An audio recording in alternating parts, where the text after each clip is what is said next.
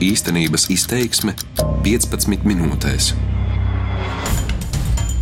Tiem, kuriem nav nekādu problēmu, viņiem ir jābūt mājās, un Latvijā ir attīstīti šie institūti - aizbildnība, auģu ģimenes, sos ciemati. Kāpēc tas netiek darīts? Tāds jautājums man ir bijis visus šos gadus, kāpēc tas netiek darīts. Kāpēc šie mazie bērni tiek no slimnīcām vai no ģimenēm, teiksim, no slimnīcām pārvietoti vai nu uz bērnu namu vai aprūpes centru, un no ģimenēm tiek ievietoti šajās iestādēs. Attiecībā uz tiem mazajiem tā ir viena no mūsu iecerētajām mērķa grupām, kurām tiktu izveidotas speciālās augu ģimenes. Bet uh, viņam būtu jāiet uz uh, augu ģimeni uzreiz, kā viņu izņem. Uz krīzes ģimeni, kas paņem 24, 7, vai tādu augu ģimeni, kas ir gatava un specializējusies zīdainīt aprūpē. Tā kā, tā, tāda ir tā mūsu politikas virzība. Vēsturiski izveidojusies situācija, ka no ģimenēm izņemtie zīdaiņi nonāk specializētos valsts sociālās aprūpas centros, bet bērnu namos dzimušie bērni, tā skaitā pašvaldībās, faktiski dzīvo un uzturas kopā ar nepilngadīgo māti. Pašlaik valsts sociālās aprūpas centros dzīvo vairāk nekā simt bērnu, kas vēl nav sasnieguši divu gadu vecumu. Faktiski mazuļu skaits institūcijās ir vēl lielāks, jo nav statistikas par to, cik daudz mazuļu dzīvo arī pašvaldību bērnu namos. Un aizvien nav izdevies panākt, ka bērnu namos netiek ievietots neviens zīdainis, lai gan uz adopciju veidojas garas rindas. Šajā raidījumā vērtēsim, kāpēc mazajiem bērniem institūcijās nevajadzētu nonākt un kas politiskā līmenī veicinājis vai kavējis iepriekš minēto problēmu novēršanu. Mans vārds ir Vita. Rīta Anstrate. Ārpus ģimenes zīdaiņu aprūpe tradicionāli ir labklājības ministrijas atbildība, kas attiecas uz valsts sociālās aprūpes centriem. Arī pašvaldību bērnu namos reizumis nonāk mazuļi vai pašiem audzēkņiem piedzimst savi bērni. Iepriekšējos sistēmas bērnu ierakstos esam stāstījuši par Inesi, kuras vārds un balss ir mainīti. Inesai nav otrās puses, un šogad viņa adoptējusi četrus mēnešus vecu zīdaini no kāda valsts aprūpas centra Rīgā. Parasti zīdaiņus adoptētājiem tik viegli nedodot. Garš ir bez vecāku gādības palikušo bērnu gaidīšanas process, līdz viņi kļūst juridiski brīvi, ja vecāku tiesības tiek absolūti pārtrauktas un bērni tiek nodoti adopcijai. Arī potenciālajiem adoptētājiem jānokārto virkni dokumentu, jāveic psiholoģiskās pārbaudas un tā tālāk. Inesē kļūt par bērniņa māti neilgā laika posmā izdevies tādēļ, ka viņas mazulis bijis glābēju silītē atstāts bērns, tātad bez vecākiem. Es divreiz biju bērnamā, es biju divreiz zīdaiņu namā, bet man tāda sajūta bija, ka es aizgāju uz morgu. Tur bija viss tik kluss.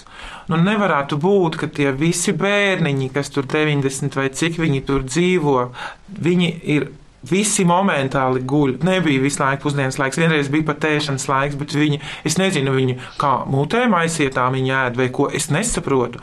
Tik visi nospiedoši, tik viss tāds nu, drūms, nu, kaut ko, es nezinu, kaut ko vajag tur mainīt. Iet Sieviete stāsta, ka no zīdaiņu nama Rīgā kādu meiteni adoptējusi arī viņas paziņa. Viesojoties bērnu namā, paziņa manījusi, ka meitene vienmēr guļ, ir apātiska, it kā būtu sazāļota. Kopumā vēl pirms mēneša šādos centros ilgstoši uzturējās 102 bērni vecumā līdz diviem gadiem. Abas mātes, kas pašlaik bērniem jau devušas savas ģimenes uzvārdu, saskārušās ar to, ka aprūpes centri nevis mudinājuši uzņemties rūpes, bet pat centušies atrunāt. Kāpēc jums sev vajag apgrūtināt, lai paliek viņš bērnamā? Jo bērniņam ir īpašas vajadzības, bet nu, kā tu vari neiemīlēt, ja tu esi iemīlējis, un tāds kāds tevs bērniņš ir iemīlēts, tev, nu, tā tu arī ņem, jā. Es sapratu, ka viņš tur arī pazudīs tajā sistēmā. Viņi vienkārši noraksta, un par viņu neviens arī ne, ne, nu, nemeklēs, neinteresēsies, un tā viņš tur arī būs. Iespējams, šādu attieksmi varētu skaidrot ar naudu, ko iestādes saņem par katru tur ievietoto bērnu, spriež Inese, un šeit jāatgādina, ka valsts sociālās aprūpes centri zīdaiņu un mazo bērnu aprūpēji katru mēnesi saņem vairāk nekā 1000 eiro par katru bērnu. Pašvaldībās šīs summas ir gan lielākas, gan mazākas, bet vidēji arī svārstās ap 1000 eiro mēnesī par katru bērnu. Pirms adopcijas procesā Inese no zīdaiņu nama saņēmusi nepilnus 40 eiro mēnesī, kamēr iestāde tāpat laikā saglabājusi lauvas tiesu lielās summas, tā četrus mēnešus. Arī bērna dokumentos ierakstīts, ka viņš no dzimšanas atradies iestādē, lai gan vairākas nedēļas pavadījis slimnīcā, bērnamā atradies pavisam īsu laiku, un Inese viņu aizvedusi uz savām mājām. Veidojot sistēmas bērnu ierakstus, radio saņēmis daudzu klausītāju zvanus un vēstules. Šī ieraksta tapšanas laikā ar mani sazinās arī Valsts sociālās aprūpas centra filiāles Rīga darbiniece. Šajā namā, kapseļu ielā, atrodas gan zīdaiņu, gan mazo bērnu nodaļa, un sieviete tur strādā jau 14 gadus. Lai runātu par savu pieredzi, viņa atnāk uz radio sarunu ierakstām. Vēlāk, baidoties no iespējamām vadības represijām par informācijas izpaušanu un darba vietas kritizēšanu, viņa lūdz intervijā sacīto ielasīt kādam citam. Kā 14 gadu laikā paveikto darbu, viņa min bērnu skaita grupās samazināšanu no 13 līdz 7 bērniem, bet jāņem vērā arī tas, ka šo gadu laikā daudz iedzīvotāju Latviju pametuši un tātad arī jaundzimušo esot mazāk, viņa saka. Es kaut ko tādu nebiju savā dzīvē redzējusi. Jā, es gāju uz turieni strādāt, es paralēli studēju tajā laikā. Man bija grūti ar viņiem. Es skatos uz viņiem un domāju, kur es esmu nonākusi. Man ir tiešām dzīvespriecīgi bērni, viņi ir priecīgi, tikai viņiem tur nav jābūt. Lielai daļai no viņiem tur nav jābūt. Ja viņi izaugs bērnu namā, viņiem nebūs perspektīvas, viņi valsts ekonomiku nestutēs. Pēc pirmā nostrādātā mēneša, kā pati saka, vēlējusies mest plinti krūmos un rakstīt atlūgumu, emocionāli grūti bijis tur strādāt. Bieži vien adoptētāji un cilvēki no malas, kas nav sistēmas darbinieki, dabūs zināt, ka šie bērni ir slimi. Viņiem nepieciešami psihologi, fizioterapeiti, vesela komanda speciālistu, bet patiesībā tās esot mājas. Nesot runa par smagi slimajiem bērniem, kuriem vajadzīga paliatīva aprūpe, taču tādu uz kopējā skaita nesot daudz. Tiem, kuriem nav nekādu problēmu, viņiem ir jābūt mājās, un Latvijā ir attīstīti šie institūti - aizbildnība, auģu ģimenes, sos ciemati. Kāpēc tas netiek darīts? Tāds jautājums man ir bijis visus šos gadus, kāpēc tas netiek darīts. Kāpēc šie mazie bērni tiek no slimnīcām vai no ģimenēm, teiksim, no slimnīcām pārvietoti vai nu uz bērnu namu vai aprūpes centru, un no ģimenēm tiek ievietoti šajās iestādēs.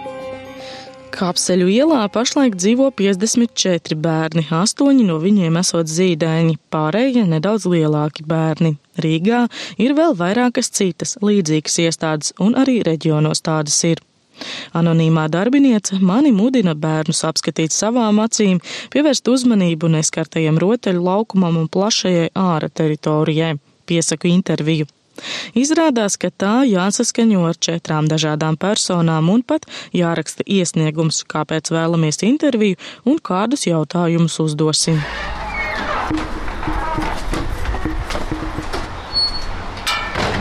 Saņemu atbildi, ka vēlamais intervijas laiks ir nākamās dienas pulksten divi pēcpusdienā, laikā, kad visi bērni guļ un visas telpas apskatīt nav iespējams.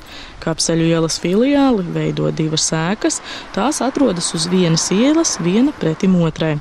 Abām ēkām apjosts žoks kad tur ierodos, nojumēs atpūšas centra darbinieki. Pamanu arī bērnu spēļu laukumu, kas atrodas ārpus centra teritorijas, uz to ved vēl atsevišķi vārti. Filiāles vadītāja vietas izpildītāja Marija Ziņina saka, ka bērni tikko devušies gulēt. Ekskursiju vienā no ēkām neatsaka. Koridorā ir tumšs, man uzmanību piesaista, ka visā pastaigas laikā pamanu tikai vienu zīdaiņu ratus. Var teikt tā, ka patreizējā situācijā 47% no tiem bērniem, kuri atrodas pie mums, ir bērni, kuriem ir palietīvais status, jā, un lielākā daļa ir arī invalīdi. Invaliditāte ir 47% un palietīvais status ir 90%. Tā kā veselie bērni gandrīz nav pie mums. Vai ar kustības traucējumiem, vai ar garīgā attīstības traucējumiem. Tā lielākā daļa ir bērni, kuriem visu diennakti nepieciešama medicīniska palīdzība. Šeit nogādājot bērnus gan no Rīgas, gan attālākām pašvaldībām. Mazākie bērni, kas ir veseli, šeit pavadot vidēji trīs nedēļas. Slimākie līdz pat 18 gadu vecumam viņi piebilst. Pašlaik vienai meitenei palikuši 15 gadi un lielāko mūža daļu viņa pavadījusi aprūpas centra telpās.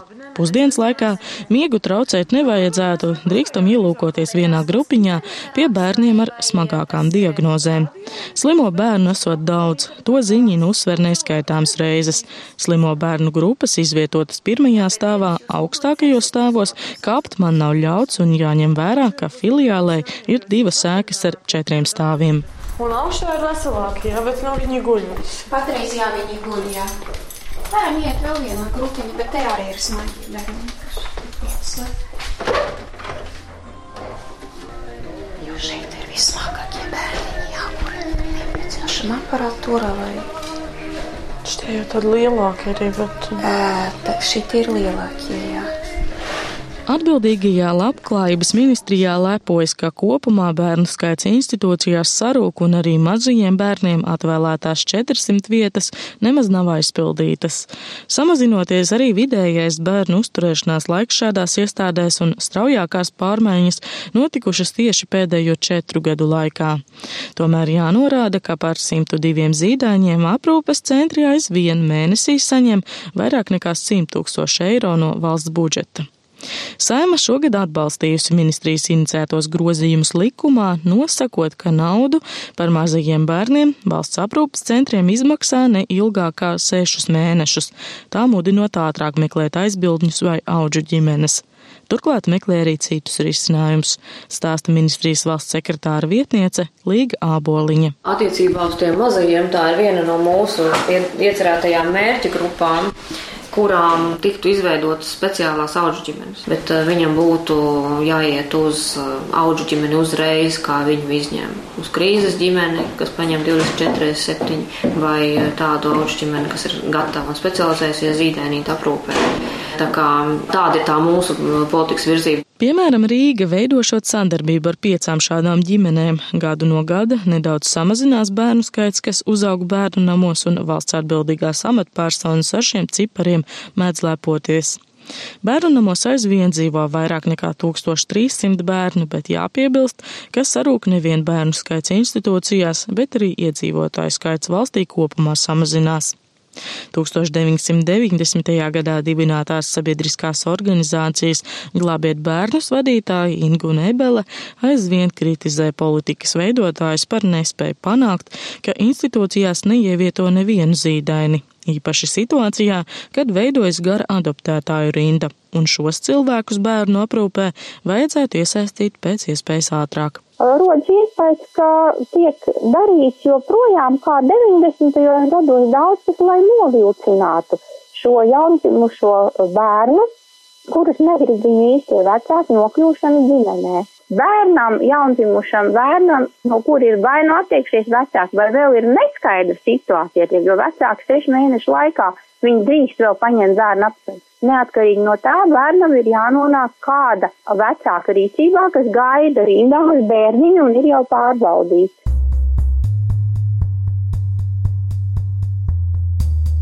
Jāsacina, ka salīdzinoši ātri topošie vecāki var sākt rūpēties par glābējsilītēs atstātiem mazuļiem, kas nav daudz. Tikmēr pārējiem bērniem pirmie mēneši jāpavada institūcijā, un tas radot diskomfortu, kas savukārt ir cēlonis dažādām psiholoģiskām, medicīniskām problēmām uz ārvalstu pētījumiem atsauc Sebele. Labklājības ministrija aprīlī veica adoptētāju aptauju. Tajā piedalījās vairāk nekā 300 ģimenes un lūgtas atbildēt uz jautājumu, kas adopcijas procesā būtu vienkāršojams. Ģimenes norādījušas, ka jāmeklē ceļi, kā bērnu padarīt par uzreiz adoptējamu, juridiski brīvu. Tādējādi mazie bērni savus pirmos dzīves mēnešus un pat gadus nebūtu spiesti pavadīt bērnu namā, bieži vien tikai tādēļ, ka bioloģiskā māte viņus apciemojot, piemēram, reizi gadā, un tāpēc varētu pārdomāt savu lēmumu no bērna atteikties. Likums paredz, ka bērnu bioloģiskajiem vecākiem tiek dots laiks līdz vienam gadam, lai novērstu tos apstākļus, kādēļ atose no ģimenes izņemta. 12 mēnešu laikā bāriņtiesām ir uzdevums rosināt anulēt vecāku tiesības, ja problemātiskie apstākļi netiek novērsti, un šajā virzienā kritiku pašvaldībām velta tiesību sarga birojas. Bērni nereti veselu gadu pavada institūcijā, it kā esot izņemti no ģimenes, bet ne atdodami vecākiem atpakaļ, nenododami adopcijai.